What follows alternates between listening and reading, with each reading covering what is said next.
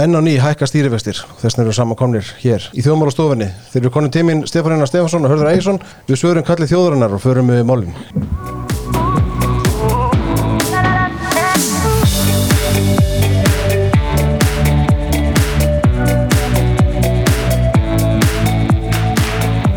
Já, drengir, velkominir Takk fyrir. Við bre- breiðumst rætt við, það var hérna við ætlum að lukum fjagra tíma marathonþætti á föstu daginn sem að er að fá góður undir þetta en hérna við erum samankomnir aftur. Þið voru voru hjá mér í síðustu viku líka.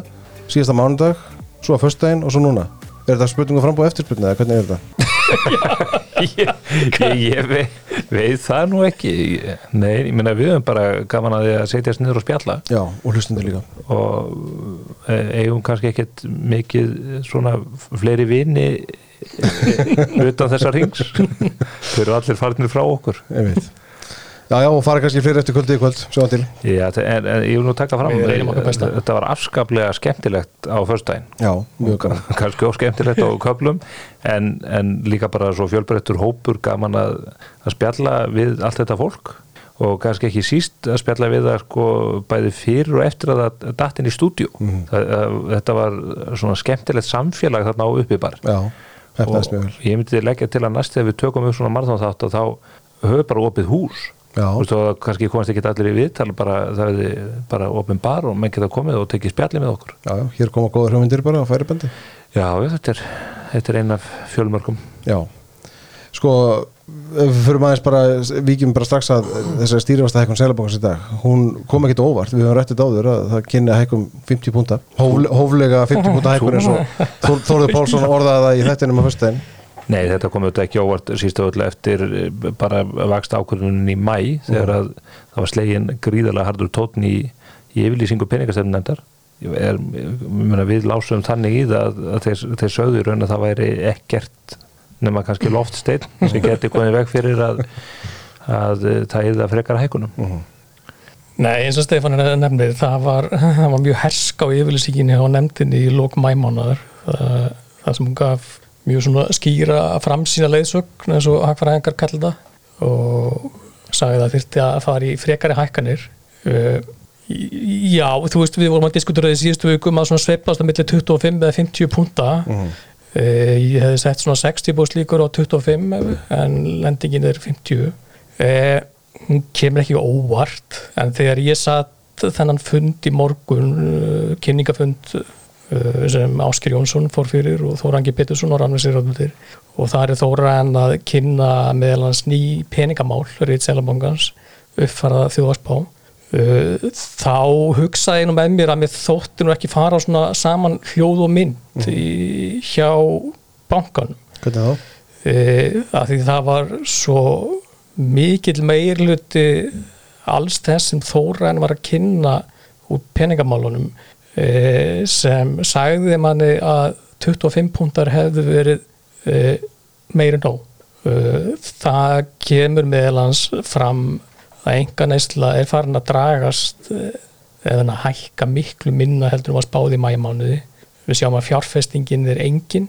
Íbúafjárfestingin er að draga saman með þeim fyrirvara sem Þóra nefndi að það eru mjög svona á reiki svona tölur um íbúafjárfestingu. En hún er að dragast mjög mikið saman uh, hagvöxturinn í ár verður miklu minni heldur en var spáði í mæmánuði uh, og svo mætti lengi telja. Uh, bankin er alfarið að ákveða að hækka vextinu um 50 punta segi ég, byggt á því að verðbólgu væntingarnar hvað sem er lítið til á skuldverjamarkaði eða svona kannana sem Sælabank gera meðal markasæðala að þær séu ekki að reyfast mikið niður á við til lengri tíma á milli funda. Og gott og vel, Sælabankin hefur það svona horfur hvað mest til verðbólguvæntinga þegar það er að ákverða vexti. Ekki til þess hvað mælda verðbólgan er mikil hverju sinni. Uh, hún er vissulega búin að koma niður síðustu mánuð í 7,6% sem kom ekki óvart vegna þess að mánuðinir í fyrra uh, hafðu verið falið í sig miklar hækkanir og það var eitthvað svona bara eitthvað annað hefði komið mjög óvart verðbólgan ekki verið niður. Uh, og þetta er ákveðinu reist á þessu að verðbókumvæntinguna þurfa að koma niður og þess vegna fyrir henni 50 múta hækkun. Eh, ég fæði líka tilfinninguna eh, kannski sem við nefndum í upphafi af því að bankin, eða það er að segja peningastemdun tók svona stert til orða í yfirlýsingunni í mæmánuði að hún vildi kannski ekki líta kjánalega út uh þreim mánuðu síðar með því að taka minnsta mögulega skrifið og hækka vextinum 25 púnta uh, eins og við rætti í fyrir þáttum en að fólkið er mannlegt Já, en þá ertu komin samt á svolítið, með svolítið skrítin mælikvarða þú vilt ekki líta kjánulega út er, Já, já, auðvitað sko í stóra samhenginu skiptir einhver máli fyrir aðgerfið hvort að vextinni séu 9-25% Eða níu. eða 9% Nei, nei. þeir eru uh, hvað sem er litið á svakalega háir Mhm.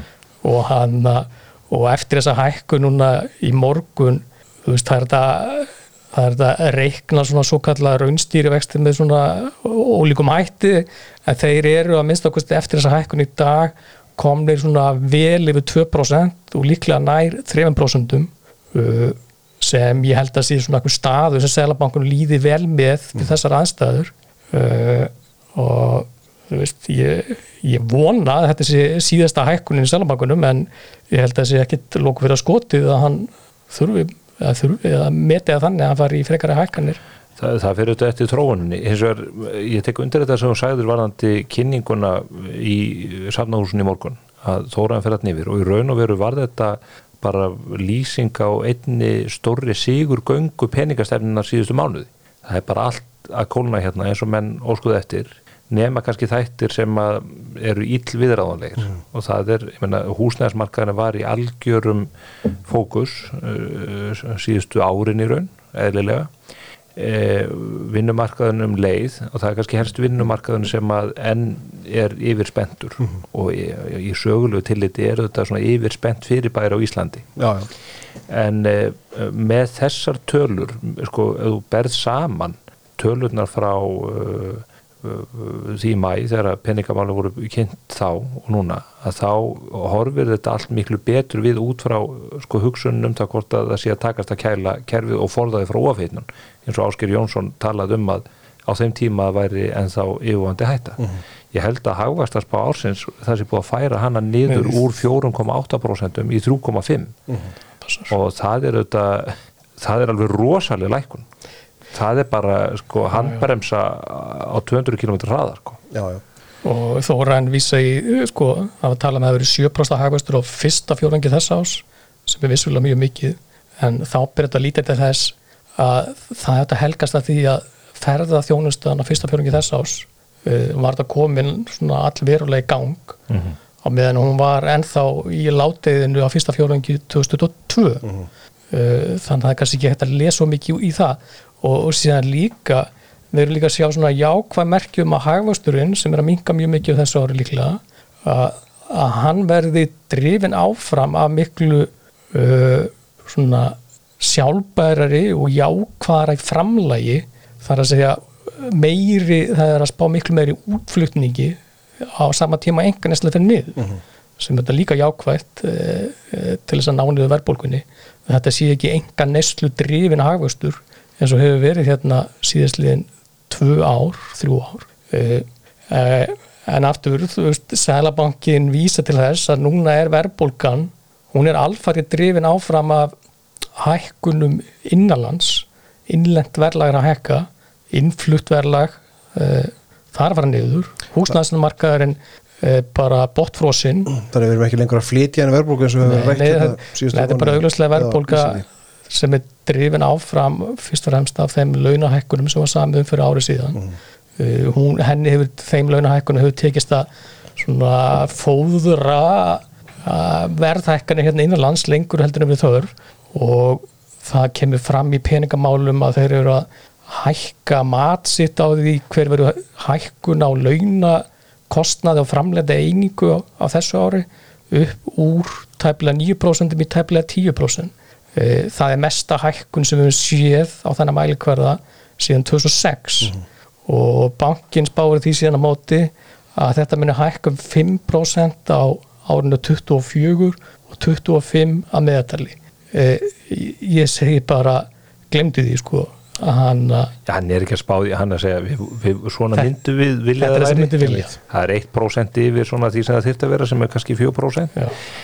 en uh, það er í þessu sambandi má líka velta fyrir sér því að hörðu var að tala sko um verðbólgu væntingarnar. Það eru, eru áhyggjefni og, og svona dálítið leiðarstikan í, í starfi peningastefnendar og þar spilar inn í ótti fólks svo, það er líka mælingar sem sína hjá bankanum að, að uh, fólk er almennt svart sína og þá sé skýringar í því að sparnaður er að draga saman og annað í þeim dúr. En auðvitað hefur uh, sko að hafa skilabóð eða væpið frá Sæðlabankanum hefur líka áhrif þarna.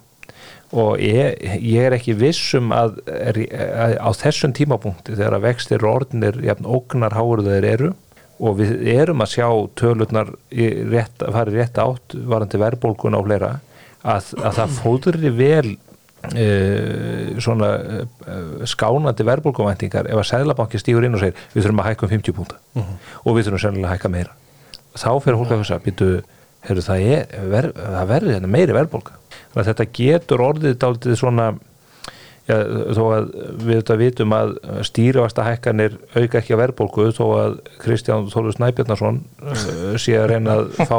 Nobelin í. Hagfræði fyrir þá nýstarlu kenningu sína að þá er maður dálítið hrættur um að, að svona þessi eh, þetta orsakasamviki á svona myndi við dálítið á atrið eða svona eitt megin atrið í Oppenheimer þar sem maður voru að velta fyrir sér hvort að sko jörðið myndi farast ef þið myndu sprengja kjærlangsprengjuna út frá því hvort að sko klopningur myndi halda áfram og, og bara aukast og aukast út í óvandarlega þess að jörðið myndi springa og ég held að ef að Sælabankin sko öskrar sig hásan á um það byrjum mánuða fresti um það að það þurfa að hækka vexti og, og að við séum hér enn í stórhættulegu spenna ástandi að þá muni verðbólkuvæntingar óhjákvæmulega að fara upp. Þannig að þeir verða líka gæta sín daldi á því hve- hvernig skilabóðunum er háttað. Og ég veit ekki hvernig þú last í það hörður á fundinu sko.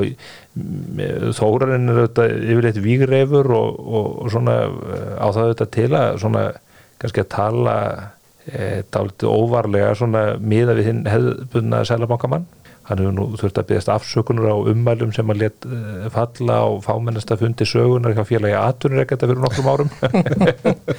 Eh, eftir eh, nokkura mánada stimpingar við fjármálaráðundið en mér ást tótnin í rannvegu og ásker allt annar mér ást þau svona öll, miklu mýgri og, og svona einhvern veginn Já, ég ætla að dálítið, mér finnst dálítið áfram svo ég takið það var, mér finnst dálítið vindur núr áskeri Já, frá því að þetta hækkunarferli tóka svona á sig almennlega mynd og eftir að þetta fór að gera svona harkalega þá er kallin bara ekki svipur hjá sjón. Ég ætla að koma þess að því eftir. Sko, í síðasta þætti, eða þar síðasta þætti þegar þið voru hérna í upphæði síðustu viku þá fór fram veðmál hér um, um hæk- hækkunina. Hörður spáði 50 búnda hækkun Þú spáði að vextinstæði stað Já, sko, ég, ég hafði nú eins og kom fram í þættinum frekar trú á því að það er einhver hækkun. Þetta var svona, en til þess að hafa þetta skemmtilegt. Af því að, fyrir öllu. Já, það má mestu máli. Ja, skemmtanakildi verið að vera í fyrrúmi í þessum uh, uh, hérna gleðið þáttum okkar. Sem eru að ræða allt þetta léttmeti. En hvað komstu með hérna þá til að, að þú tapaði veðmálinu Þú þurftur að koma í vín í ég, ég, ég Ég var samt alveg klár, ég var klár með, með mína flösku svo ólíklega veldi til að ég myndi tapa. Já, og var búin að tilkynna Stefán Henry hvaða víni myndi koma með. Viltu hann lá á upplýsa- bænum að, að ég hef- hefði rátt fyrir mér. Hvaða vín var þetta? Ég ætla að koma með þú svo mikil aðdáðandi kampæfins uh, úr húsi Róbers Vestmann Vestmann já, mér er sagt að það við ónætt fjármála fyrirtæki hér í bæ verið komið með mjög öfluga fjárfesta sem að voru til í að sturta peningum í alvotek og svo þegar tölduði var búin að landa þess að þá dróðið fram þess að vestmannhlöskur og fóru að helli liðið. Þá þeir og ef, að, ef að maðurinn getur ekki framleitt almennlegt kampavín þá getur hann ekki framleitt líftæklif þannig að þeir dróðu sér út úr fjárfestingunni. En eh, að ölluginni sleftu þá átti ég að mæta hér með kampavín og, konfekt. Já. ég ætla að bæta því við. Hvað er konfettið? Sko, ég- við erum korki með kampæin nýja konfekt, svo það sé ekki fram. Og það er bara, og ég byrð hlustendur okkar uh, afsökunar og ég byrð, ég byrð hörð fyrirgerningar á þessari yfirsjón. Ég, ég hafði bara ekki tíma til að ganga í þetta mál í dag uh, og, en það verður bætt úr því í snarasta ef okkur verður bóðið í annan þátt. Já, aldrei vita Ég Hva, er- Hvað erum við þá að drekka þetta? Ég greip hérna bara úr hérna, vinkjælinum hjá mér svona eh, go to vín uh, langanlóisir rísling frá, frá Lóimer í svona austurískur þægilegur rísling ekkert of mikill karakter en, en nægur þó til þess að maður njóta hans. Sko ég horfði á þennan stýrivastafund í, í getum tölvu í morgun. Hvað varst að drekka yfir honum? og hérna Já, ég ætla ekki að gefa það upp. En hörðu þú fóst Máli málina, hvernig voru veitingarnar á fundurum? Ég var ekki var við neina veitingar. Nei, ok. Það er hann ekki batnað eftir að fundunir hafa flust uh, úr húsækinu Sælabankars í safnahúsu. Nei, Ég held að það er bara lagst niður. Þetta búð- búðar ekki gott. Síðast á konfekt og kaffi? Ég held að sé eitthvað svona eh, hérna, secret signal í veitingunum líka. Ég held að þetta sé svona uh, til merkis um það að menn séu að, að skera niður. Ég er þetta, það er þetta ég fer alltaf að hugsa um hérna, umhverfisvendar sendi herra sælabankast þegar að þau hérna, er með sama bitna tennur að, að tala um þenslun og vinnumarkaði. Og er náttúrulega þegar að sælabankin hoppar á vagnin með öllum hinn og ríkistofnunum og ræður ekki bara í nöðsynlega störf sem sannlega eru inn á milli í opera kerfinu heldur fyrir að ráða í allskeins svona jólasveina ennbætti þá, þá verður þetta daldi hólur hljómur í þessu.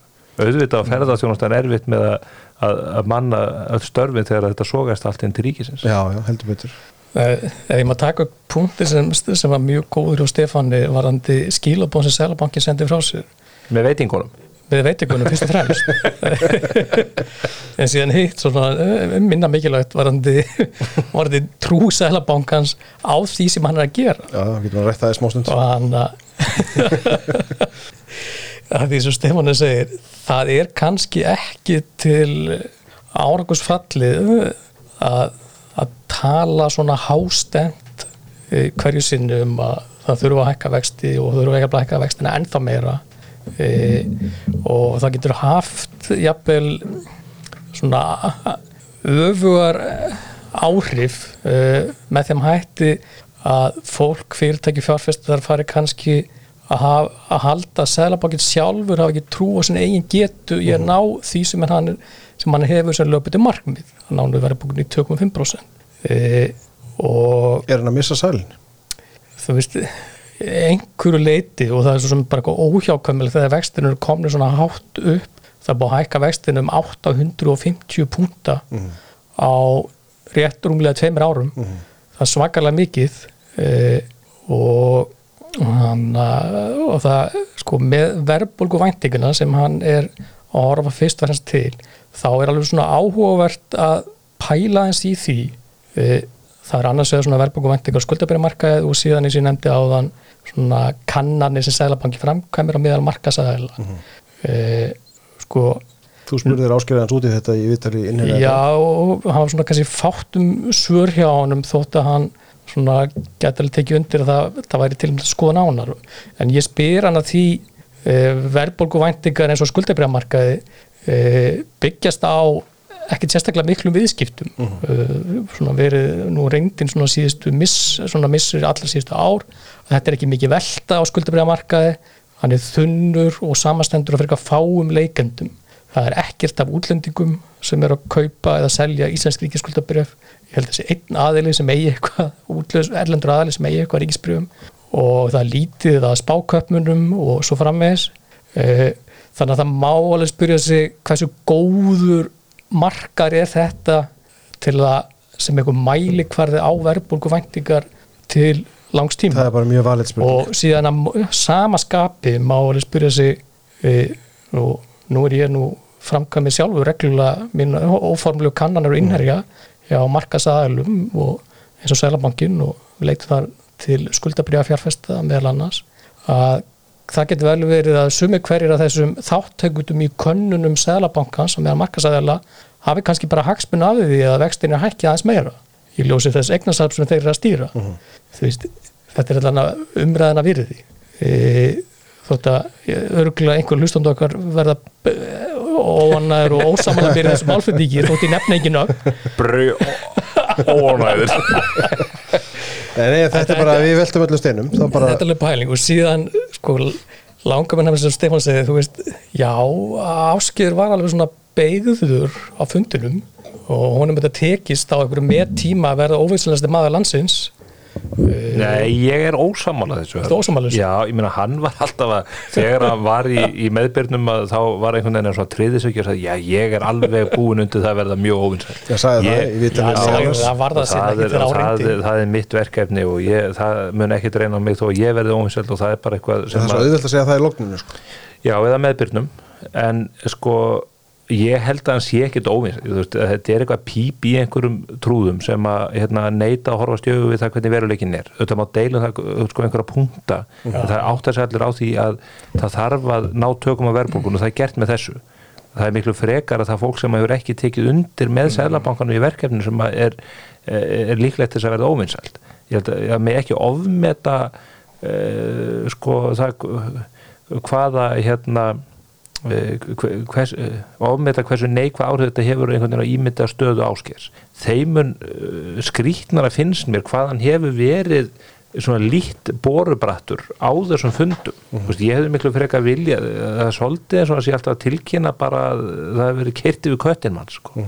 alveg miður sín í dyragættinni í þess að koma bara marreistur fram og segja við erum að hækka þessa vexti, við erum að gera það fyrir ykkur og, og fara svo bara yfir þetta mannamáli eins og hún tókst mjög vel að gera hér í upphafi COVID og, og í gegnum lækunarferlið en, en kannski er það eins og sagt er sko að það þarf sterk bein í, ekki síður í meðbyr en mótbyr og, og það má kannski spyrja já það kemur eh, ekki ljós hvort þú er góðu selabankastjóri fyrir að þú er búin að vera í lækanar hreinu og hækanar hreinu vakstar sko. og mér finnst að hann megi Þið gera þið- finnst vantað að setja kassan út? Já, ég meina öðru sem er áður bara á, það er allavega tveimur fundum þar sem hann hefur bara verið svona einhvern veginn bara koðna niður og, og af öllum mönnum kemur Rannveig Sigurðardóttir uh, þegar að verður að slíta fund og segir já vel á minnst og tekur svo einhver eldbreytingun sem, sem að fær markaðin til að skjálfa.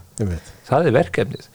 Talandi um markaðina, hörður og skuldabriðamarkaðina mér þótti gott að sjá á þremur víkstöðum að, að svona þessi svona skam, skam, skamtíma miðlun peningastefnunar og ákvarðana og hún, og hún virtist virka vel. Skuldabriðamarkaðurinn uh, tók rétt í, uh, í ákvarðun bankans ekki síst verð triður hlutin mm stittri verð triður hlutin uh, hlutabriðamarkaðurinn róðnaði, var rjóður í kynnum Já, gekk svona var að með. lítil velta samt í dag. Og líka hann gekk síðan gengur þessar lækkanir Það í þessari- í þessari lítillu veltu svona frekar tilbaka þær áleið menn er bara litlir í sér Já, já, já. en svo líka hérna, krónan styrtist já, já, þannig að og ég, auðvitað er ég ekki að tala fyrir enn kampæðisfélagsins en það, krónan er svo sterk að það er nánast ókeipis að flytja inn vín til Íslands. Sko, en það, það er Já, það er hérna ég má bara bæta við það sem Stefán sem tengið sem Stefán segir var hann oft hvað kannski Já, verði ekki að tröfla okkur Hvað- sem að velti fyrir sér þegar að maður sér kannski áskýður ekki nægilega mikið með kassan úti við það að tilkynna þessa ákvörðin í morgun áður uh, hvað það hafi gengið á á fundum peningastefnendarnar dagana þeir standi yfir í tvo, Tvo daga, daga, er það ekki rétt? Þú eru tekja dagar á stefnur. fimm manna peningastefnend og það stundum þarf að minna fólk á það að, að það er ekki selabakki sem tekur þessu ákvörðun og það er ekki áskil sem tekur þessu ákvörðun þótt að hann sé forma nefndarinnar. Heldur samastendur hún eins og segja fimm nefndamönnum og, og, og þar auðvitað er, eru skipta skoðanir og, og svona, það eru tveir nýji nefndamenn sem hafa komið inn núna á rétt einu, tveimur árum.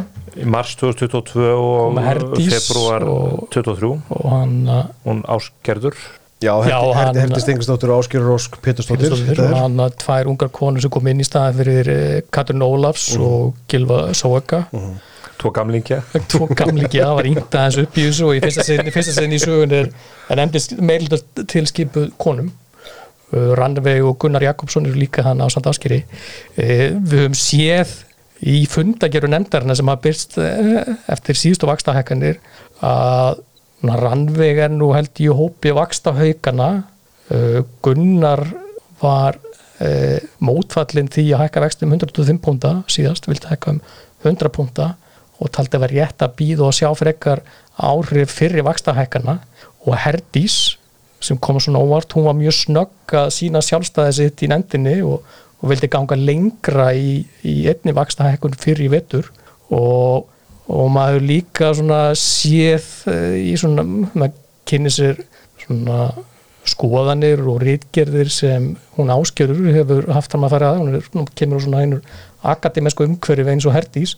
Þá verðist hún líka vera svona vaksta haugur þannig að ég, á meðan ég held að áskjör sé kannski meira í hópi vaksta dúfana þannig að það getur vel verið að áskjör sé kannski Heldur að sé að vera undir í nefndinni? Það getur vel verið. Við auðvitað fáum aldrei að sjá það í þessum fundagjöru hvað raunverulega hefur gengið á. Nei. Það er ekki alltaf sem það er bókað í fundagerunum að þegar einhver leggs gegn tillu formansins áskis. Þannig að Það er eitt sem ég tók líka eftir í morgun og mér fannst hann, bæð, þe- þeir segja bæði á fundunum, hann segja þetta líka viðtalið við þig, ég held að hann er minnst tvisar á þetta það er atrið sem að, og þannig bara fínt ef að Sælabankin er að taka upp orðræðina úr þjóðmálum, að hérna, hann talaði mikið um það þegar þeir vera einir í barátunni, eins og við höfum ítrekkar eitt hér. ég minna hann saði beinleis að við erum að, Hann er ekki talað með, um það með þessum hætti nei, nei, mikið. hann saði að við, við erum að beita peningastöfninu svona þungt vegna þess að við erum ekki að fá aðstof frá öðrum. Mm -hmm. Uh, Hverjir aðrir eru þetta? Það eru tveir aðlar það eru ríkisfjármálinn og vinnumarkaðurinn. Mhm. Uh, Ríkisfjármála ríkisfjármála sko, ríkisfjármálin það er að segja stjórnvöld þau þykjast vera að leggja eitthvað að mörgum ja, meðan að vinnumarkaðurinn sko, hann er ekki með þess að reyna það sko. Svo sagði hann sko líka bara til að bæta þess vita, hann sagði sko í morgun að kostnari við að nániðu verðbúkunni ilti að því hvort að hvort það séu aðra sem vinnir með bankanum við að nániðu niður eða ekki. Mm hann, hann, bara er, hann er að senda mjög skýr skilabóð til að, þessar er þá vin, aðalega vinnumarkaðarins og ríkisins. Ríkisvaldi hefur náttúrulega bara verið á bensíngjöfin í útgjöldunum eins og við höfum séð Uh, mér veist eiginlega hápunktur þáttarins hérna á, á förstu daginn síðasta þegar Tórður Pálsson letaði liggja að, að ættardeilur í Dalasíslu væri svona kannski það helsta sem að væri að styðja við peningastefnu Sælabankars svona úr, frá ríkinu því að ásmundur einar var upptekinn við að, að kveðan fjölskyldudeilur í staðis að útdeila peningum úr bandamálaráðundinu Ég veit. En, en það sem að uh, kom mér daldi og ég hjó eftir því og, og það, það er mjög mikilvægt að fylgjast vel með þegar svona á þessum fundum. Því oft er það það sem ekki er sagt eða það sem sagt er í framhjálaupi sem að skiptir líka máli. Og það Til var, þess erum við hér. það var þegar að hann var spurður ásker út í það hvað hann vildi sjá í komandi fjárlögum. Og það er verið að fara að leggja fjárlögum fram núna bara eftir fáadaga og þá einhvern veginn ólítið sem verið hefur þar sem hann hefur alveg skýra svona uh, skýrt agenda í, í sem framsetning og þá segir hann einhvern veginn bara já, bara, bara eitthvað, bara aukið aðhald. Já, hann Já, gaf, hann gaf, bara gaf sem- ekki mikið fyrir hann þetta. sagði bara sem mest aðhald. Já, sem mest að, og þá spyrir maður sig sko, er hann búin að gefast upp á þeim? Þú getur verið að hann sé bara búin að kasta í hvita andaklæðun og segja er, þeir eru ekki að fara að gera neitt. Þessi ríkisjórn, svona samsett er ekki á vetur setjandi þegar kemur að því að hverða verðbólkunum niður. En svo veltir maður líka fyrir sér er kannski eitthvað samtal millir sælabankans og stjórnvalda, veit hann hvað er í pakkan og Sigurður Ingi Jóhansson uh, formaður framsvonarflótsins hann var í viðtala á MBL núni kvöld. Þar sem að mér fannst nú tótnin einhvern veginn vera að sá að, að ja, mér fannst eins og hann væri að bóða það að þeir ætluðu einhvern veginn að láta meira til sín taka sammála því Er það það það Það var það alveg tilugur í stæði fyrir þetta humbúk sem er komið í vor. það var líka sem ég tók eftir þessu viðtölu Sigur Inga nefnit, hann gaggrindi lítið sem ekkert ákvörðu Sælbank sem að hekka vextum 50 púnta og þá svona með öðru sér brá komandi á framsunamanni Mhm. Já, já. Já, það er, Það er svona- auðvitað er maður skítrættur um að þetta sé svona einhver, einhverjir hérna einhver leiktjöld sem verður sett upp og satt já, við erum að spara hérna rosalega peninga og á þessu og hinnu og svo kemur auðvitað í ljós að það er bara eitthvað þvæla. Og, og þe- þetta kemur nú um munni mannsins sem að var að kynna sko hérna samgöngu áallun upp á 900.000 miljónir á næstu 15 árum. Það er bara, ég, maður grunaði helst að hann væri með það áallun að ræna bandarinska sælabanka til að fjármagna. Þetta, því að það var engin önnur leið til að finna peninga þetta verkefni. En hann það, það er einhvern tótt og ég býð mjög spenntur eftir því að ný fjárlög verði lögð fram, og við verðum auðvitað fyrir okkar hlustendur að leggjast í greiningu á því hvar, hvað þar kemur fram. Og þar auðvitað skiptir mestum máli bara að, að menn séu með uh, svona puttan á því að nýta peningana sem best að, uh, að stofnanir eins og orkumálastofnun fá ekki hálfan miljard eða 600 miljónir ár eftir ár eftir ár án þess að hafa vita á því sem hún er að gera og komið svo bara í fjölmiðla þegar allt er í flesu og segir, já við þurfum að setja okkur inn í þetta. Sko við getum eiginlega ekki skilið við þessu umræðu á þess að ræða um viðbröð verkalýsfórustunar svona einu ekki að slappa, það er hérna sem að þetta brást harkalega við í dag eins og búast mátti við. Sko auðvitað verið að senda að, þessum aðalum eins og við rættum hér áðan mjög skýr skilabáð með allt saman. En við sjáum samtalið hvaða tón þau hafa slegið í dag og síðustu dag að Ragnar Þór talaði um það í gær eh, Ragnar Þór Ingvarsson formar Vaffer talaði um það í gær eða fyrir dag að, að Sælabankin væri undir þrýstingi frá greiningadeildum sem er náttúrulega mjög skrítið, ætti ekki að ræða það frekar. En það er samt þannig að sko þau ef ég fer sem horfir þá sitja þau upp með svartipætur Já, já, hvenar, hvenar munum og eru eiginlega með hann nú þegar sko. Hvenar mun undirbúningur fyrir kjara þeirra að hefjast. Já, undirbúningur að Hann hafa er inn og hafinn. menn það hafa er verið svona að samtöl um milli manna. Menn hafa verið að funda í sumar svo þetta eru bara núna uh, nú eru átta dagar í að nýr framkvæmtastjóri tæki við hjá samtökum aðunlýsins það kannski markar líka svona ákveð upp af samtalsins. Uh, við erum komin nýja ríkisáttasemjara og það verður frólægt að sjá hvort að Guðmundur Ingi Guðbrandsson muni leggja fram eitthvað frumvar til að styrkja stöðu uh, þess embættis inn í þennan finnst finnst þið það líklegt? Eh, sko þetta er þetta bara svona kjaralegur kjarnorku vetur sem að þetta stefnir í og bara miðað við það hvernig þetta fólk lætur allt. Ég, og svo ég nefnir aftur Kristján Þór Snæbjarnason sem að fer á kostum hér. Sko ætti þetta að vera bara hluta með Íslandi með, með sitt framlag til þessar umræðu. Því að hann stígur fram í dag og segir uh, það verður að rjúfa þennan vítaring en hann kveikir ekki á því að hann er vítaringurinn in the ring of fire. það- það- vítarhingurinn hann, hann byrjar ef að ringur byrjar eitthvað og endar eitthvað þá er það í fangin á honum og fimmbytni Hermannsinn og þessu fólki. Og þeirra er bara valið. Ef að það verður knúið á með stórkarlalegar hækkanir ef þeir ná ekki að hemja e, frúna í hérna í eblingu og ef að Ragnar Þóra ætlar að láta eins og hann hefur látið hann er þetta í alveg sérstaklega miklu ójafvægi þessar dagan eins og við séð þá veit það bara ekki gott og þá uh, klessu keru við og einhvern veginn eh, held ég líka að Sælabankin muni eh, halda vöxtónum tildulega háum og einn stöðum að geta þar til að sjá glitta í það hvernig landi liggur í þessu samningum. Því að þeir vilja geta haldið þessu yfir hausamótorum á mönnum vilja þetta ekki fara að lækka vextina til þess að keira það upp aftur þegar allt fyrir bál og brand.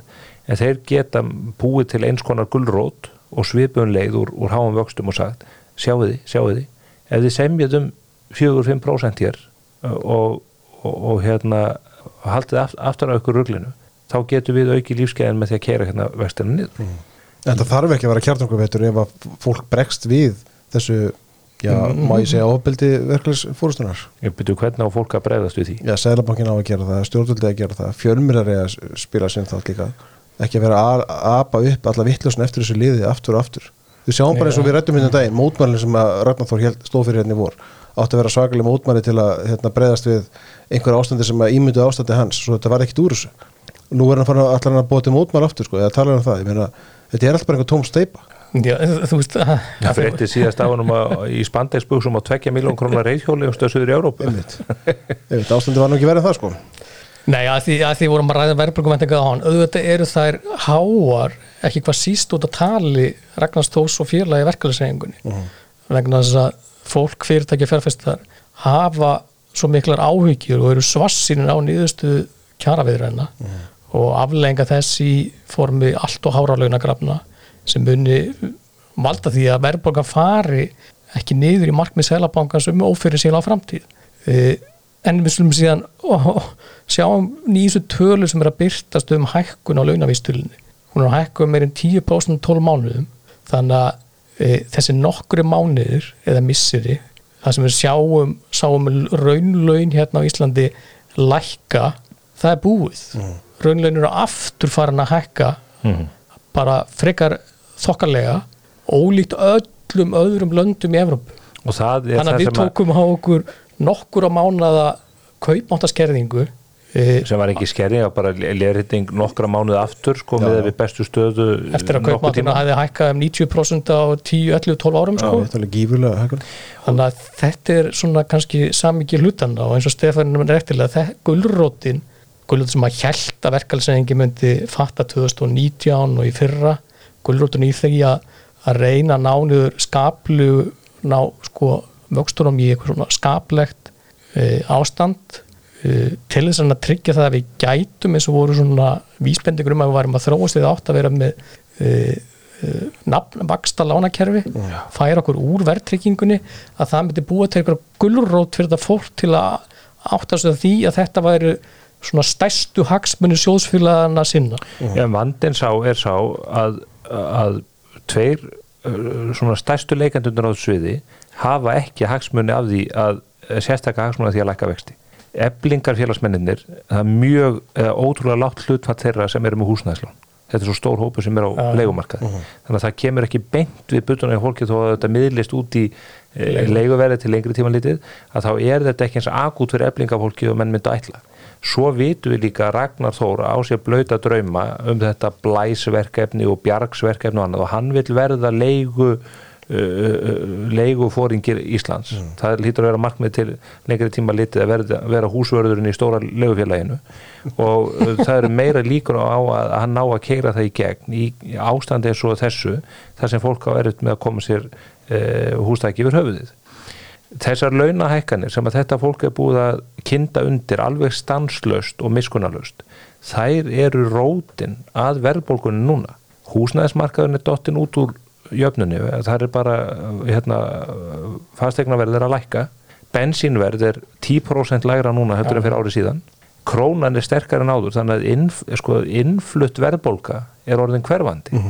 En hvað er það sem er að knýja áfram eh, hækkanirnar hjá fyrirtækjunum? Það er launakostnaðurinn sem að er að sliga þau.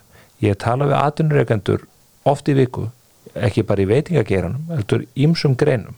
Og, og ég að hitti einn og þátti vond, ég var í kaldapottinum í, í, í áskarði hérna, eh, fyrir tíu dögum síðan og er búin að liggja þar kannski 2-3 mínútur og hann alveg blári í gegn að þá hlamma sér það í pottin ágættu maður sem að tók mig tali um um vinnumarkaðin og þetta var svo áhverð spjall að ég tímti ekki að fara upp úr. Og þarna satt ég lengi vel orðin bara eins og hérna, sjófrist ísa.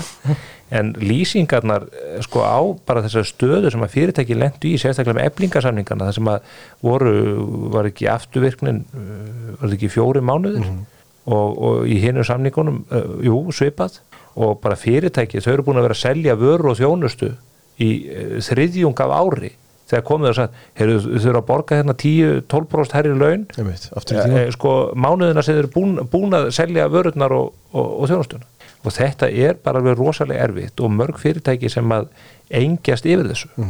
Og ég meina, ok, við, við sjáum það. Það er löngu fullreint að þetta fólk sem að við erum að tala í hérna um Finnbjörn Hermansson og Ragnar Þór Ingólfsson og Solveig Anna Jónsdóttir og, og Kristján Þóru fólk, það hefur enga samúð með þessum sjónamið, með Alls þessum staðrindum þeim er bara algjörlega sama. En ég held nú þegar upp í staðið að þá sé meir hluti þjóðarinnar eh, svona betur áttaður eða betur innréttaður hvað þetta varðar en þetta fólk og kveiki á því að þarna er orsakasamhengi og vítarhingur sem þarf að rjúfa. Og þetta sífælt fleiri átt að segja á því úr hverju þessi vítarhingur er myndaður. Já, já.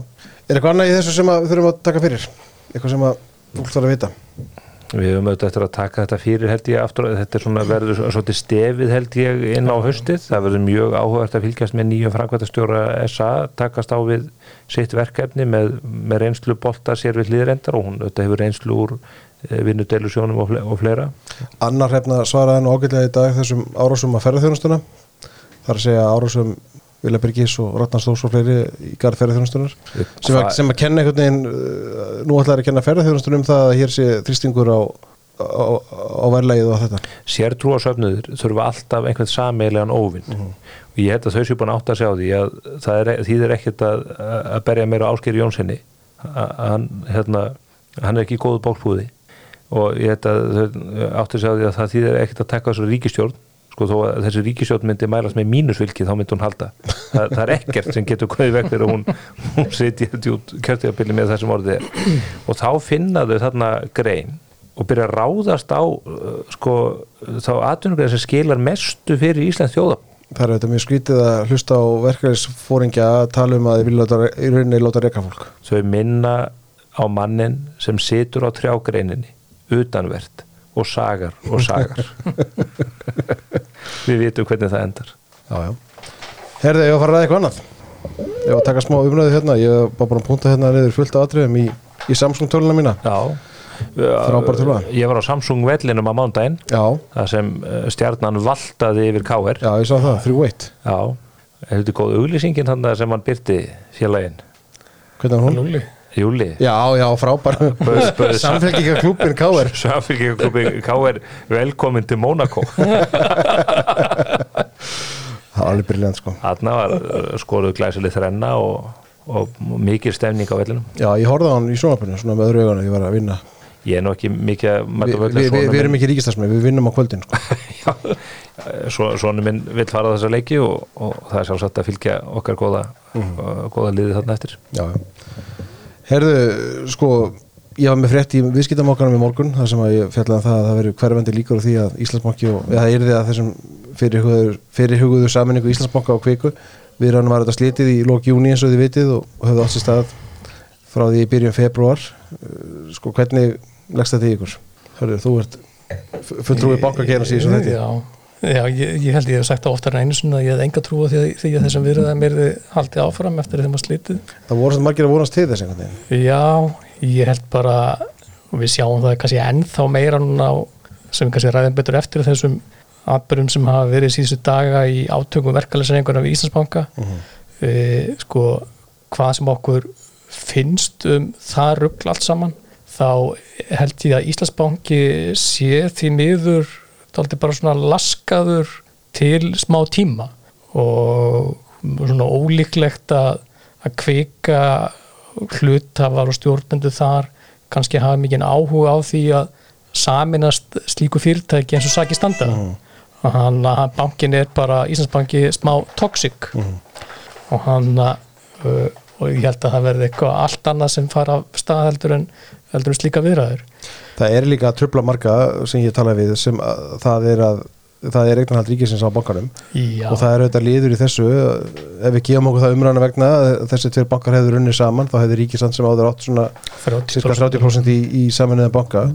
Og það er ekkert mjög margir spennt fyrir því að eiga hlut í, í, í ríkisfyrirtækinu. Í banka sem er að 30% hluti eiga ríkisins Já, og síðan, síðan svona óvist með það hvað verður um það sko. Býtu, og síðan 30 60% hluti eiga líf, Hann er 30% eigur ríkisins og formaði fjárlæðanefnda sem heitir Bjarki Olsen Gunnarsdóttir hegða sér bara eins og innri endur skoðanda Ég ætla að fá hérna síðu 13 úr skýslu 5b og, og vil fá þetta allt inn, inn, inn á fundi veit. Þetta er auðvitað einhvers konar fýblagang allt framhjá hérna, allt framhjá bankasýslinu sem á að sjá um þetta. Öllum prótokól Neini og ég held að það sé rétt að Íslandsbanki er dálítið svona óhrenna barniðnar yfir núna og, og það er erfitt fyrir menn að að sjá kannski fyrir sér hvernig hægt sé að, að leysa úr því til svona, já, meðalangs tíma en auðvitað er maður, hugsandi um brefið sem að Jón Sigursson hjá Stóðum skrifaði og var að kalla eftir að menn fara að gera eitthvað. Og nú er komið nýr bankastjóri hjá Kviku, reyndur maður úr bankaheiminum. Og menn hljótaði þá að vera með eitthvað plan B. Og maður svo sem sér ekki alveg í hverju það ætti að felast. Ef að menn er að horfa til vakstar eða það gera Kviku að, að öf, öfluri ekstra einingu á fjármálamarkaði þá hefði þetta kannski verið augljósi kosturinn. En mm, svo náttúrulega hefur verið skrafað um og hörðu þú nú sagt frá e, viðræðum Kviku og Arjónbanka það er annað, annað svona mats sem að gæti orðið að veruleika með ákveðin eignarsölu og breytingum á struktúr stofnanina Já, ef, ef að, fyrir ekki, hörður ég grípur inn í þetta sko, ef að því á að verða, þá þarf menn að selja vantilega annarkort tryggingafélagið, TM eða vörð og eignastýringin er nú þegar stór hjá Arjón hún er langsamlega stærsta eignistyrning í landinu. og svo bara heyr ég það líka mönnum og ég ætla að koma að þessi því eftir, það er í öðru máli að menn nenni ekki að díla við í, þannig samluna. það er rosalega stór ákvörun held ég fyrir bankan og tvo að fara í slíkt ferli og, og sem held ég að hafi verið svona stór ástæði fyrir því að Arjón ákvað að segja pass við því fyrir vetur. Að leggja í þá vegferðin með kviku að skoða mögulega samrána bæði eins og þið segir rétt til að það er stærra og flóknara úrlöstunefni varandi eignasölur og bankin yrði upptekin í slíkri saminningu í vel á annað ár og myndir kannski missa fókus og öðrum svona verkefni sem hann er að vinna í Ég að- segi nú bara óþar að brjálast, ég bara nefndi þetta sem möguleik Já, verðst ekki að koma með svona vittlusin inn í þáttin Herðu, ég var að skella okkur hérna, ég ætla að taka smá auka vingil hérna, skellum okkur á svo kaffihús. Tökum hérna smá kaffihús og spjall eins og við gerum er rosalega hallarslegt að vera með þessa músík svona undir. Nei, þetta er svo kósi Fyrir Rigning og, og, og píano og eitt tvöfallan espresso. Já. Herðu, sko ef við, fá- ef við ímyndum okkur núna við séum á tíða kaffi og, og hérna, hittum þar góða gesti þá voru menn að velta fyrir sér okkur Marin Óri Tryggvason hætti á Gauku. Marin er nú vinnur okkar en við þurfum að ræða þetta. Já, ég menna hann, að Marino, hann er búin að vera einn af líkilstjórnundu kviku síðan 2017. Hann og, hann og Ármann kom inn á sama tíma. Já, Ég man eftir því að ég skúpaði því á frettablaðinu held ég viku áður en það var tilkið síðan loksins um ráðningu Ármanns og Marinos sem annars vegar fórstjóru og aðstofórstjóru og ég þetta er svona- montótnið á kaffi já, já, mér var svona hættilegt þess að blikuna hvort ég hefði rátt fyrir en hann að, þá um hann að, og Marino hefur verið, eins og segi, líkil maður í, í að byggja upp þetta öll og að fela sig kvikur orðið og leiktaði gegnum, tekur við sem fórstjóri 2019 af Ármanni. Verið líkil maður í bara mjög mörgum stórum málum á fjármálamarkaðum Já, hann er líklega bara- færasti eignastýringar bankamaður sem þekkist. Nýtur rosalega mikið ströst hann gerir það og hann, uh, hann er ekki, hann er ekki eins og við, við þekkjum hann allir frikar vel og hann er ekki eins svona venjulegi bankamaður. Mhm. Og maður getur alltaf hann er svona, hann er hjálfús og, og greiðvikinn og, og afskapla gott að leita til.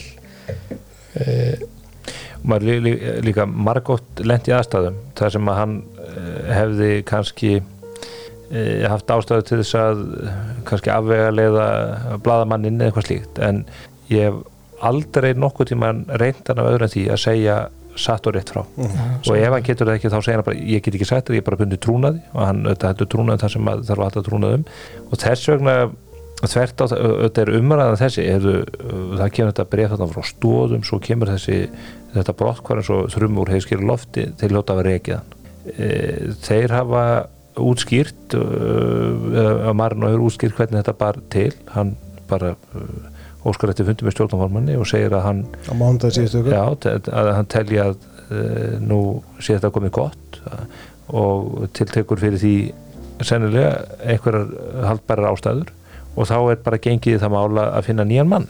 Og ég, ég þekki þetta líka sögu eh, Marinós eh, fyrir bankarunni, hann var auðvitað inn í kaupþingi á þeim tíma og tók ekki þátt í vittlesunni var, hann hefur svona hún hefur tekist að hafa toppstykkið rétt skrúað á bæði meðbyr og mótbyr. Það væri mjög fróðlegt að fylgjast með honum í embætti sælabákastjóra í, í ólíkum aðstæðum, svo ég nefni það. Og nú er ég ekki að vísi í það að skipunartíma áskers er liðin eftir eitt ár. Ég vona að hann fái endurskipun og er, er vel að því komin en ég einhvern veginn held að hann hafi bara gert það upp við sig á, á þessu tímapunkti að þarna væri réttast aldra við fyrir því kunnu þetta vera bara ímsar ástæður uh, persónlegar eða, eða, eða hvað það er. Og það, mér finnst það að lýsa bara uh, mannkostum þegar að menn þó, þó er að taka svo djarfa ákvörðun. Flestir myndu hanga á svona djópi eins og hundar og róði uh, hvað sem ágengi. Já, ég myndi segja sko alla jafna trúið maður ekki því þegar að fórstjóri í skáðu félagi uh, gefur upp slíkar útskýringar að hann hafa hatt að fyrra bræði uh, óska eftir stanslokum þessum hætti uh, en í tilfelli maður hann trúið því uh, en auðvitað komstu ekki hjá því að ræða einhvað samikið hlutana svona ákvörðun auðvitað er ekki tekin í einhverju tómarúmi. Uh, við höfum búin að skjalla hann hérna réttilega fyrir að hafa leitt bankan og breytt banka þegar hann skráður á marka fyrsta först náttmarkan 2018-19 því held ég að það er með markasverðið på 6 miljardar það fór hæst upp í 130-40 er í dag rétt rúmlega 80 mm. en auðvitað hefur gefið á bátinn uh, hjá kviku svona undarfærin tvö árið að svo, eh, bara hort til hlutabræða versins það hefur lækkað alveg um 40% miklu meira heldur en annara skráður að banka, Íslandsbank og Arjón það var lækkana nær viðstöðlaust eftir að Kristrún Frostadóttir seldi hlutin já, já.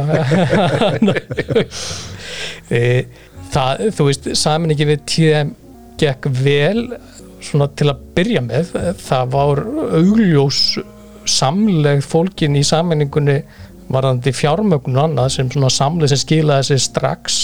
Og síðar meir er kannski samlegin ekki jafn augljós og hefur kannski ekki gengið vel í að samþækta rekstur þessa fyrirtækja bæði reksturinn og síðan eins bara En hefur TM ekki verið að draga, draga niður afkomu? Jú, það er svona að segja, þú veist mér að þegar það fer að gefa bátur á mörgum þá þetta hefa, hefur fjárfæstikstað sem er TM dreigið þetta niður en síðan þetta hefur og það er ekkit við marinn og endilega sakast eh, það hefur bara verið þannig undanfæri misseri að, að bankin hefur verið að fjárfesta mikið í svona nýjum uh, stofum, þú veist, í fjártekni í kortabransunum og, og farið í, eh, líka í verkefni í Breitlandi og þetta hefur svona verið með það markmiðið að fjölga svona undustöðu bankans.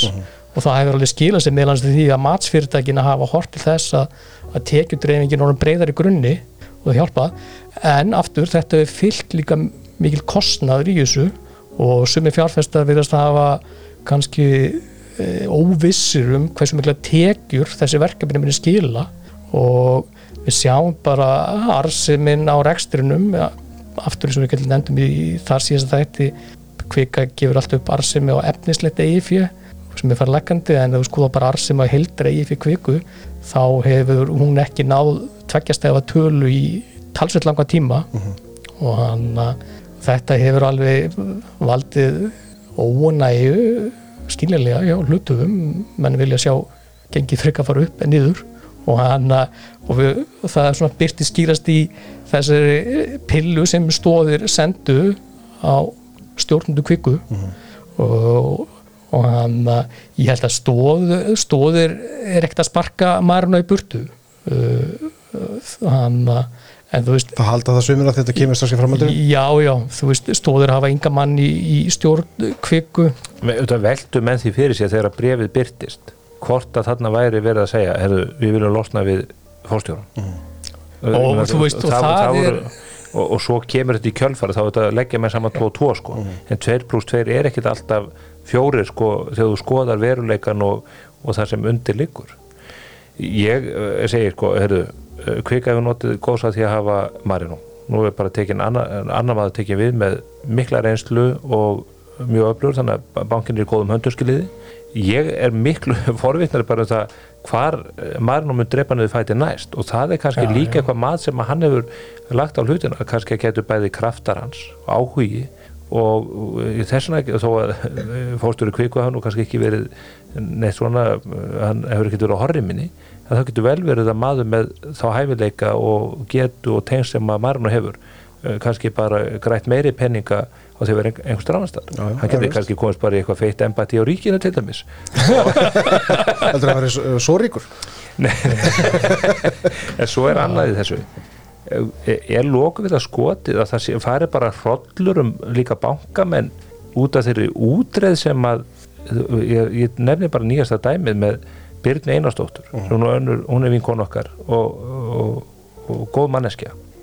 Það eru gerð mistök að það fer fólk fram úr sér þarna í Íslandsbanka og menn, já, menn, bara renna illilega á raskatið. Það er ekkert sem bendir til þess að hún hafi gert það persónlega það eru undirmennana sem að hún treysti. Og hefðu, hún er bara kjöldrein hún er bara í fyrsta lagi lögð hérna einhver sko glórulegs sekt af hálfu Sælabankars úr öllu öllu samingi við við raunverulega brot. Þingið almenningur verkefnisfóristana sjálfsögðu fer gjörsanlega límingunum. Og hún er bara rekin úr starfi og eftir sko áratöga farsælan fyrirlina bankakerfisins stendur uppi bara uh, einhvern veginn uh, á berangri ég er þetta að trúa því að hún er þetta rétt að hlutin sko, þetta tíminn uh, gerir það yfirleitt í svona Já, málum nú líka. þegar menn fara offari. En eh, haldið ekki að margir þessum bankamönnum sem að fylgjast með framgangi fjármálaeftirlitsins og reynda bara öðrum eftirlitstofnunum ríkis Það hlýtur að gera það. Sjáðu bara samkjæmseftirlitið og eimskip þar sem eimskip bara leggst í duftu og borga marga miljardar til að losna við þessa menna bakinu. Það er þetta þess virði að vera í þessum slag? Ég, ég veit ekki, ég, ég bara nefni þetta. Ge, getur verið að fólk bara æruverðut og grandat fólk eigi bara erfitt með að eh, hugsa þá hugsun til enda. Að lenda í eh, hérna, matvinnslu vél eh, fjármálættilitsins eða annara slíkra aðla með mikil, mikla vald, valdheimindir og, og stóra mikrofóna Nei, við má hann er þetta eitt sem hann eitt menn hljóta velta fyrir sér í tenslu við þessi fórstarskipti í kvikku það var uh, og er fyrir sitjandi aðstofafórstur í kvikku Það eru slöttun á símónastöðum það er Sigurður Viðarsson Akkúrat. sem var ráðan sem aðstofafórstjóri í áslók 2002 mm. Var, fórst, var fórstur í TM TM þar, hafði verið fórstjóri í 15 ár. E, frá blöytu barsbeini já, að hann er ekki hann er ekki ráðinn. Einmitt. ég held nú að hann Það hafi var eftir því tekið líka. Já, já, hann, ráða mann sem er ný hættur á bankanum. Já, já, já, Ármann hætti ég held að hann getur lögum mála hann hætti nú fyrst þeim bankastjóri sem nefndu báðan vegna þess að hann að, held ég hafi sagt hann á þessu ofnbölu að, að hún fann svo leðild að þurfa að eigða svona stórum hluta sínum tíma í að eiga við eftirlistofnunir og, og allt það leðileg sem fylgir því að vera bankastjóri. Hann, sa- hann, hann, sa- hann sagði og þetta. hann uh, og hætti síðan alfarið sem e, í svona sem aðstofafósturi fyrir tæpa ári og fór í eitthvað svona illa skilgjönd hlutverk í Breitlandi að s- sinna sérverkunum fyrir Kvíkubanka og ég svona heyrði það því á starfsmannafundi sem Ármann og, og Marin og, og Sigur Hannesson stjórnaformaður Kvíku áttu með starfsmönnum hvað, í, í, á mánudag? Á mándaginn já og þá hann uh, hefði Ármann uh, sagt á því að, að hann hefði svona fljótlega átt að sig því að, að það hefði verið mistökja honum að hætta að hann hefði verið þarna í, í Bretlandi og verið að vinna þar með, með leiðilegsa samstagsfélagi sem hann nokkuð tíman unni með. Og það væri hann sjálfur. Og hann, hann væri til í að koma aftur í hasan en ég held að hann eh, sé nú alveg komin í þetta starfi heilsugar en, en auðvitað áhugavert að það hefði verið, ég segi gengið fremja Sigur við þessum, að hann hefur augljóslega sóst eftir að fá þetta starf og held ég að hafi vel verið í þessu ferli en, en hann fekk ekki og, og Veist, hann, veistum fleiri nöfn sem að voru í, í, í svona shortlist? Siktinu Mm, ég held að þetta hefur verið svona augljósu nöfnin sko og hann og það var líka eftir tekið að Sigur Viðansson var ekki á þessu stafsmannafendi heldur í frí elendis en allir stjórnaformaðurinn sjálfur hafi ekki komið til greina í, í djópið? Sigur Hannesson er, er bankamaður og, og eldklár og, og, og einhvern veginn hefði maður alveg trúa því að þetta geti verið næsta skref hjá honum frá samtökum já, ekki fyrir að stýra einhver álversmiðu Nei. Ég með aðra kaffehúsaspurningu sem ég var ekki búin að undirbúið ætla samt að dempa á okkur. Af því að ég fekk þessa spurningu sjálfur þegar ég kíkt á og kaffi í vikunni. Og hún er svona nokkurn veginn svona hvaða hlutur ekki getna stóðir og hversu mikil áhrif hafa þeir? Hvað hlutur ekki gegna þér Já, bara þú veist á, á fjárfæstingamarkað Við höfum nú aðeins fjall- við fjallað þetta um Já, það nokkur svona áður og, og þetta, þetta bréf, ma- það eru margir að velta fyrir þessu, þessu bréfi sem að Já, Jón Sigursson hefur svona hann hefur tekið að sér að verða þinn íslenski Warren Buffett. Já, svolítið, þú veist það er skrifa þessi bref sem hann fyrir vitt og breytti við sviðu menn býðu alltaf hérna hverju ári eftir aðalfundi Bergs, hérna, hvað heit Berg, eh. Berkshire Já. Hathaway. er hann þá galdrakarlinn frá En þetta er, þeir, þeir, eru, þeir eru búin að fjárfesta þeir eru alltaf stórir í símanum, þeir eru hérna inn í kviku þeir eru stórir í fiskeldi þeir eru mörg eh, svona játn í eldinum. Já, já, og það er eftir því tekið þegar þeir tala. Og þannig erum við með menn eins og Jón Sigursson og Lárus Velding sem það er eftir tekið þegar tala það er þetta fyrst og fremst eftir tekið þegar þeir fjárfæsta já, og þetta er þetta félag sem hefur verið með fullavassa fjár. Þeir eru með 50 miljardar í EIF skulda ekki einu, einustu krónu og þeir hafa svona alla jafna ekki verið að notast við skuldsetningu í sinni fjárfestingum. Og, og þeir eru, ég meina þeir, þeir fylgja eftir sinni fjárfestingu. Mhm. og eins og við nefndum í síðastætti kvika er daldið sérstættilegtin að þetta er eina félagi sem þeir eru ekki með svona bein ítök í stjórn félagsins. Eh, þeir eru ekki með mann í stjórn Arjónbanka en þeir eru sann svona óbeint með ítök þar í gegnum gegnum það að hafa verið með fulltrúa í tilnefningin en bankans. Svo er ekki kviku. Þannig að er ekki bara óheppilegt fyrir svona félag að vera með stjórnamann inni? Já, allan, já ef- þær. erfitt að treyta. Þeir hafa verið að treyta kviku stokkin, þú veist hann á hafa getið gert það vegna þess að þeir eru ekki með, eh, með mann í stjórnum sem fjárvarslega tendur þeim. Þannig að ég, ég held að það sé nú augljóst að þeir aha, sjáu kannski ekki kviku fyrir sér langtíma fjárfestingu uh, Stuttasvari sem að hörður að reyna að koma út úr sér er þetta. Stóðir er mikilvægt fjárfæstingafélag sem að getur hatt mikil áhrif á íslensku markaði og gerir það þegar að þeir vilja svo uh, hafa og menn fylgjast náðu með því sem að þeir eru að gera þar. Mhm. bæði út af þeim önnu sem að það er í hlut en líka auðvitað bara út af fjárhagslu afliðra næsta spurning. Já, já, þá bara kveðið við kaffehúsi í bili uh, annar mál sem ég vil, ég vil koma inn á hérna, morgunblæði hefur verið að fjalla þess um, mjög áhugavert mál þar sem að eins og við aðeins fjallaðum hér líka það er þessi útekt eða já, útekt samkynnseftilitsins á eignartekstum í sjárótvegi og nú er komið í ljós að, að það var líklega ráðunandi sem átti frumkaða því að, að þessu verkefni þrátt fyrir að Pál Gunnar Pálsson fórstjóri samkynnseftilitsins hafi haldið öðru fram í fjörmjölum uh, síðan hefur einnig komið í ljós og hefur greint fyrir því að, að matvarráðundið og samkynnseftiliti gerði með sér samning um þessa útekt uh, þar, þar sem að Sælabankin, Skatturinn og Fiskistofa áttu eiga aðild að það var aldrei rætt við þessar stofnunir Sælabankin Já, Sæði það ekki, Sælabankin. Skatturinn og Fiskistofa já, ásamt þessum fyrir, utan þess að tvo Já. aðeila sem að skrifa undir samningin sem. Já, þetta er nú mál sem með miklum ólíkindum en byggir á því að þessi gögn eru komið fram þetta, í fyrsta lagi samningurinn þar sem segir að þessar stofnanir komið að málinu Mhm. og síðan tölvupósamskipti sem að varpa ljósi á, á geggjunna í málinu og uh, uh, það kemur auðvitað í ljós að stofnanirnar, uh, ekki síst Sælabankin bara frábáðu sér, bara uh, lítur svo á að það kemur aldrei til greina að, að, að bankin myndi koma að þessari myndur rannsókn eða, eða kortlagningu með einum eða öðrum hætti. En þetta er alveg augljóst hverjum sem að vil skoða hlut, hlutina bara uh, yfirvegað að uh, uh, Sæðlabankin býr ekki við neinum gögnum og er ekki í neinni stöðu til þess að kortleggja eignar tengsl í sjálfútvegi og ég held að þeirri ástæði hefur Sæðlabankin sagt að við erum ekki bara snerta við þessu. En svo hætti líka að Sæðlabankin hafa mjög bitra reynslu af því að vera að, vasast í málefnum fyrirtækja út fyrir sitt svona eðlilega valdsvið.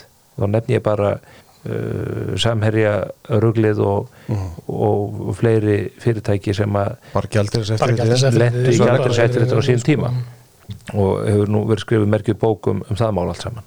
En samt einhvern veginn er þessu haldið til streitu og, og láta því liggja að þessar stofnarnir komið þarna að og maður spyr sér hvað, hvað veldur því að Páll Gunnar leggur svona opáslega áherslu á að þessar stofnarnir koma að og, og, og reynir að knýja þetta í gegn og skilur ekki okkur þeir vilja ekki uh, svona uh, gangast undir þetta? Og maður fær ekki betur séð en að þetta hef allt verið gert í þann tilgangi einhvern veginn að hræða menn eða að sína að kerfið stæði saman og þarna væru bara allar hinnar mikilvægur stofnarnir samankomna til þess að, að svifta huluna þessu ólega eignarhaldi sem er fyrir löngu búið að svifta huluna Já, já. með hérna kröfum um skrásetningu endanlegra eiganda og annaði þeimdur og í, fyr, sko, í fyrsta lagi er þetta stórkostlega alvarlegt hvernig Páll Gunnar hefur logið að fjölmiðlum og, og stíði fram ofinberlega og sagt ósatt um tilur þessa verkefnis og, og, og fórsendurnar að baki því. Og svo er þetta stórkostlega alvarlegt að menn séu einhvern veginn að e, nánast eins og að falsa samninga búa til einhverja samninga sem standast eitthvað skoðun. Þannig að borgararnir telja jafnvel að það sé einhverja stopnarnir sem að koma að málum sem gera það bara alls ekki. Mm bara til, til að ræða menn eða, eða svínbeigja og eitthvað slíkt. Og þetta er svo ógeðslegt og yfirgengilegt að auðvitað ættu allir alþingismenn þessar aðstæður að okkur er ekki, okkur er ekki kallað eftir rannsóknarnemnd eða okkur kom ekki nefndir sama til þess að yfirherða þessar menn og segja hvað, hvað eru það að gera hérna? Og svo þetta fyrir utan það bara að uh, einhver fagra á þeirra geti sig að eftirlitstofnun með einhverju fjárveitingu fram hjá fjárlögum. Það eru fjárlögin sem að þingi setur sem að eiga ákvarða fjármækt til eftirlitstofnana en hvað ef að bara ég veit ekki hvað, hvað maður þetta að segja. Já, nú er þetta þannig að ráþeirar mega afl sér ákveðnum upplýsinga, en einhvers þar er, er, er, er þeirri heimil tapningu sett. Þar sem þeir geti ekki gert hvað sem er. Geta þá farið bara í næstu eftirstofnun og láti hana gera þetta í staðin, þetta, þetta er ekki eðlileg stjóðsýnsla Nei, ég meina, getur utanriksráð þeirra uh, sem uh, hérna, hattursmaður skákíþróttarinnar uh, hérna, beitt 50 miljónum uh, dælt 50 miljónum inn í laurugluna gegn því að þeir fara í húsleit hjá skáksambandin ég nefnir þetta bara því að uh, ríkislauglustjóri hefur gert áhlaup á skáksambandin og ég veit ekki um afstöðu af kolbrunandi ská, skákíþróttarinnar. Ég er bara að segja, getur bara einhver ráð til að tekið upp á sjálfum sér að dæla peningum inn í eftirlistofnarnir sem að lögun sangkvæmt búa yfir miklum heimildum til þess að uh, skorast tilum eða, eða vaða inn á uh, persónlega svið fólks eða fyrirtæki þetta er bara algjörlega óþólandi og er þetta ekki bara til margs um það hvað nú er þetta fórstjóri samkjöfnis eftirlitsins sem er nú búin að setja þar held ég síðan á tímum innréttingana eh, að hann skuli eh, vaða fram með þessum hætti. Þetta er bara nánast orðið svo ríki í ríkin. Og meðan á sama tíma og, og hann er að láta sitt fólk fletta upp í kreditinfo uh, upplýsingum um hver eru endanlegir eigendur að þá lætur hann algjörlega í friði aðra markaði sem að augljóslega eru uh, hérna undir samkeppnishöflum og, og, og það sem að ofur sterkir aðlar að, svínbeigja hérna minni. Eins og hvað? Næsta spurning. Nei, já, vorum við hættir á kaffehúsinu Við förum við það í sérstökum þætti. Já, sem verður bara fyrir áskrifendur Já þetta, er, þetta er áhugavert mál. Bara hérna mjög áhugavert fylgast með þessum. Ég, ég, nei, hörður, hvað, þú er ekkert komið staðið þessu, hvað, hvað finnst þér um þetta? Hörður sem ekki stuðnismæður sanginseftir hann þóri ekki að segja neitt Já, ég veit, hvað Pálkunar eftir Hann er- sjö, sjö ára Hann- sínu, hann- ski, sjö ára sínu skipinu tíma Hörður er í boccia klúpi með pólikunar Nei, við hrættur um að hérna, Pál Gunnar og, og svona fjölmjölar sem stýðan kannski ráðist á sig í stað- í staðin, ég veit ekki. Já, Já, það er, en af hverju, ég meina auðvitað morgunblæði hefur að fjalla um þetta eins og mókin gerir best bara að fara yfir efnisatriði málsins og staðrendir sem liggja fyrir í heimildum. En það það er alveg dauð að þögnum þetta. Ríkisútvarpið bara ég, ekki orð. Ég hugsaði þessi frekar að leita uppi sko, viðtal við flugvirkjan sem að kom síðast á þóttinu hjá Príkósin frekar heldur en að reyna að varpa ljósa þessi mál sem að, sem að tengjast íslenskum almenningi og hagsmunum okkar með einhverju móti já, já. Þetta er mjög oft svona. Herðu, við ætlum að fara að slá botnin í þetta en þó ekki að því að við buðum fólki að senda hér inn spurningar fyrir þáttinn í dag. Og það er ótt að segja að það ringdi hér inn spurningum ef við ekki fara að vind- vinda okkur í þær. Jú, ætlum við að svara að þetta mögulega spurninga kemni Já, svona, nei, nei, við kíkjum á það helsta Herru, við skulum hafa þannig að liði í bóði orkunar Þeir hérna, við vorum að tala hérna um gasjásálan en daginn. Það kom nýtt Stefán fyrir þig. Það var bent sérstaklega á þig í þessu sam, samingi Nú, Það komið rúðu, rúðuvöka sjálfsali sem orkan er með líka. Ég fór og kefti rúðvökva Já, hjá voru- enn einum Ég í gær. Kemur enn einn rakfara sagan af enn ég, einum. ég er bara einhver masokist Neytindastofa fyrir að hafa afskiptað þessu þætti. Við erum alltaf að tala íllum enn einn. Ég fór til enn eins og svo það kemur einhver maður og dælir á og ég heyra hann uh, muldrar eitthvað svona í, í einhverja fjárstýning og segir fjóru lítrar. Og svo kem ég inn og ég segi ég er með bensinett og dælu fjögur og, og, og okkur, fjóra lítra. Og og hún, konan segir eitthvað, já, já ég veið að heyra frá honum. Og hún fer eitthvað að kalli þessa talstöð og næri eitthvað samband við hann. Og þannig líði eitthvað 2-3 mínútur og eitthvað sambandsleisa á þessari talstöð. Ég segi, hann sagði fjóru lítrar. Og þá sagði hún, þú er ekkert heyrta og svo byggðum við þetta eftir að hann kemur tilbaka og ég veit ekki hvort hann að vera á klósettið eitthvað. Þannig að hann tapaði enn, enn fleiri mínútum úr lífi mínu á viðskiptum við enn einn Ég er að fara að fara í þessa sjálfsala Já, þetta er, voru einfalda líður Stefán. Ég er alltaf að segja við þig. Það er hér einn spurningi Var bóðið upp á flatbröð með hangikjöt á fundurum í morgun? Við erum búin að fara aðeins yfir þetta. Nei, uh, Svo spyr hérna kollegi okkar Kristján Jónasen sem er nú hluti af svona, það það sem ég hef kallað herfóringar á þjóðmála. Hann spyr af hverju, af hverju herfóringar á þjóðmála einungis búið upp á kranafa þegar aðri drekka kampæn En ég ætla að svara þessu sjálfur og ég ætla bara að segja það að, að hér mega menn bara komið þar veitingar sem þeir vilja. Við þurfum að fara að gera það á selabókafundunum mæta, mæta með flatbröð með ángi kjöti og Pepsi Max í gleri. Ég ætla nú kannski líka að fá að bæta við með Stefán Gunnar og Kristján sko. við erum náttúrulega verið með þeim á ótölum fjölda ásáttíða og, og, og jólahlappar og svona. Og þe- þeir eru bara slíkir hænu hausar að það þýðir ekki að bjóða neitt yfir 2,25% sko. Já, það er hérna framtíð íslenska hlutabræðmarkar Sigurður spyr, hvernig er þetta að ebla og hvita fyrirtæki til að sækja sér meira, sækja sér meira lagi fjö á hlutabræðmarkar er raunin raunin er. Í síþjóðu til dæmis mikil hefð fyrir því að lítil og nýlega fyrirtæki fara á markað. Almenningur er einnig stór þáttangandi í hlutabræðmarkað þær landi. Er hlutabræðmarkaðurinn hér? Ma, má ég byrja að Stefán. sko, það þarf að setja þetta í samingi í upphafi var stór og mikill kvellur og svo komur í sæðlutnar Það er að byrja þar þetta er þetta rosalega spurning. Já, Þetta vísi þegar þú segir stór kvellur, þetta vísi bankarunni eða? Já. Og hver eru þá risaðlutnar sem markaði upp af Jóhanna Sigurðardóttir og Herðu, einn okkar, be- já, sko, þe- þessi spurning kalla bara á sér þátt held ég, sko, um hlutur Já, ég, ég, við gerum ekki, eh, spurningin er góð en, en hún er gríðarlega umfangsmikil og ég myndi segja að við ættum kannski að lofa ágættum fyrirspyrjandanum því að, að taka þetta kannski fyrir bara í skömmtum í vetur, við þurfum að fylgjast þetta með hlutabyrjamarkaðum, hann er að mati mjög margra hér á landi undirverlaður á meðan að margir eru nú fættan að spá því að það getur mögulega komið stórt högg á markaðin í bandaríkjónum þekktir menn Já, já. sem að við konast við sem hafa verið að, að sjórta hann núna í stórum stíl.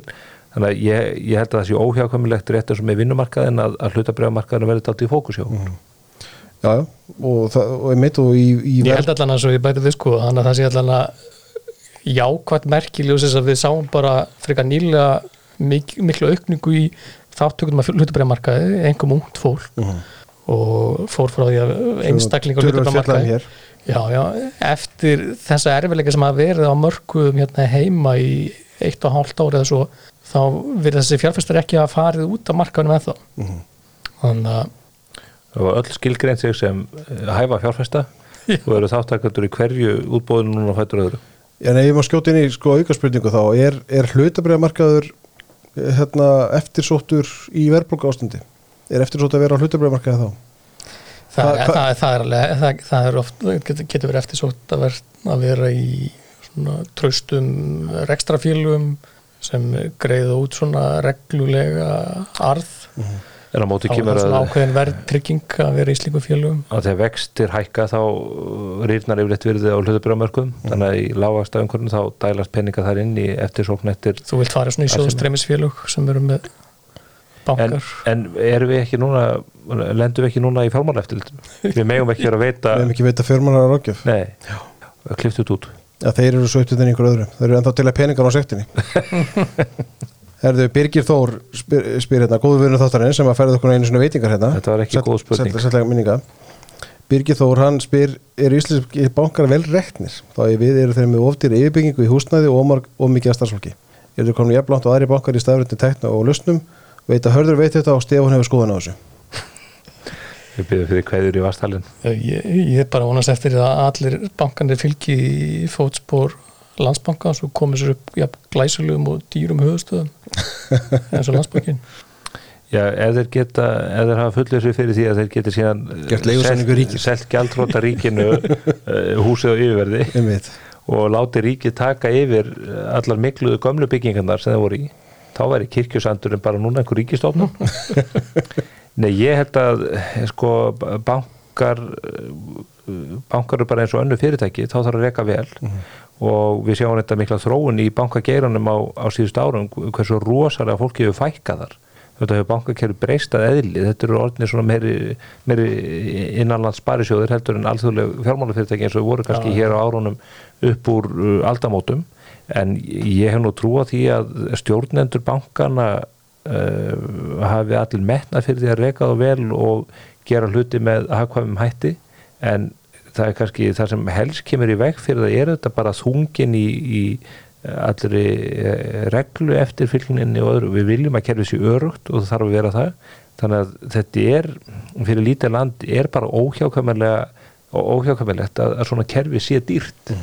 En þeir geta alveg skert betur og maður sér bara þegar að eru þeir kyn- ekki alltaf að reyna að gera betur? Er þetta ekki bara Jú, ongoing process? kostnar hlutvöldin, ég menna þeir hafa sett sér markmið og þeir geta bara eins og í Íslandsbanka uppgjörunum að þeir hafa lagt mikla áherslu á það að skoða kostnar hlutvallið og þeir hafa haft svona metnað full markmið um að, að komast neðar í þeim efnum mm.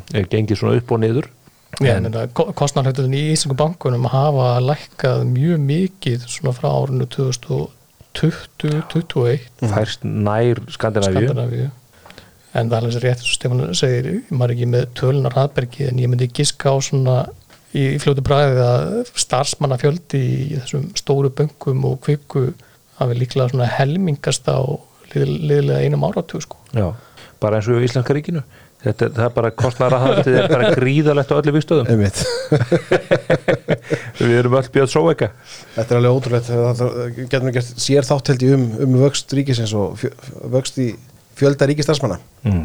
Herði, ef við að fara að ljúka sér, það er, er nokkuð spurningar viðbúð sem myndi vilja fara yfir. Af hverju hlutabrið verið Íslandsbank og Arjón ekki endur spila gott gengi í rekstri bankana Já, það má örgulega segja það er mörg fjölu í kaupallunni að hann að gengið endur spekla ekki reksturinn væntan, vænta afkomi hjá þessu það er bara helgast að því að það e, það hefur áhrif þegar að tvö stæstu fjölinn í kaupallunni, Alvotek og Marl e, hafa verið e, undir miklum þrýstingi núna undanfanna mánuði.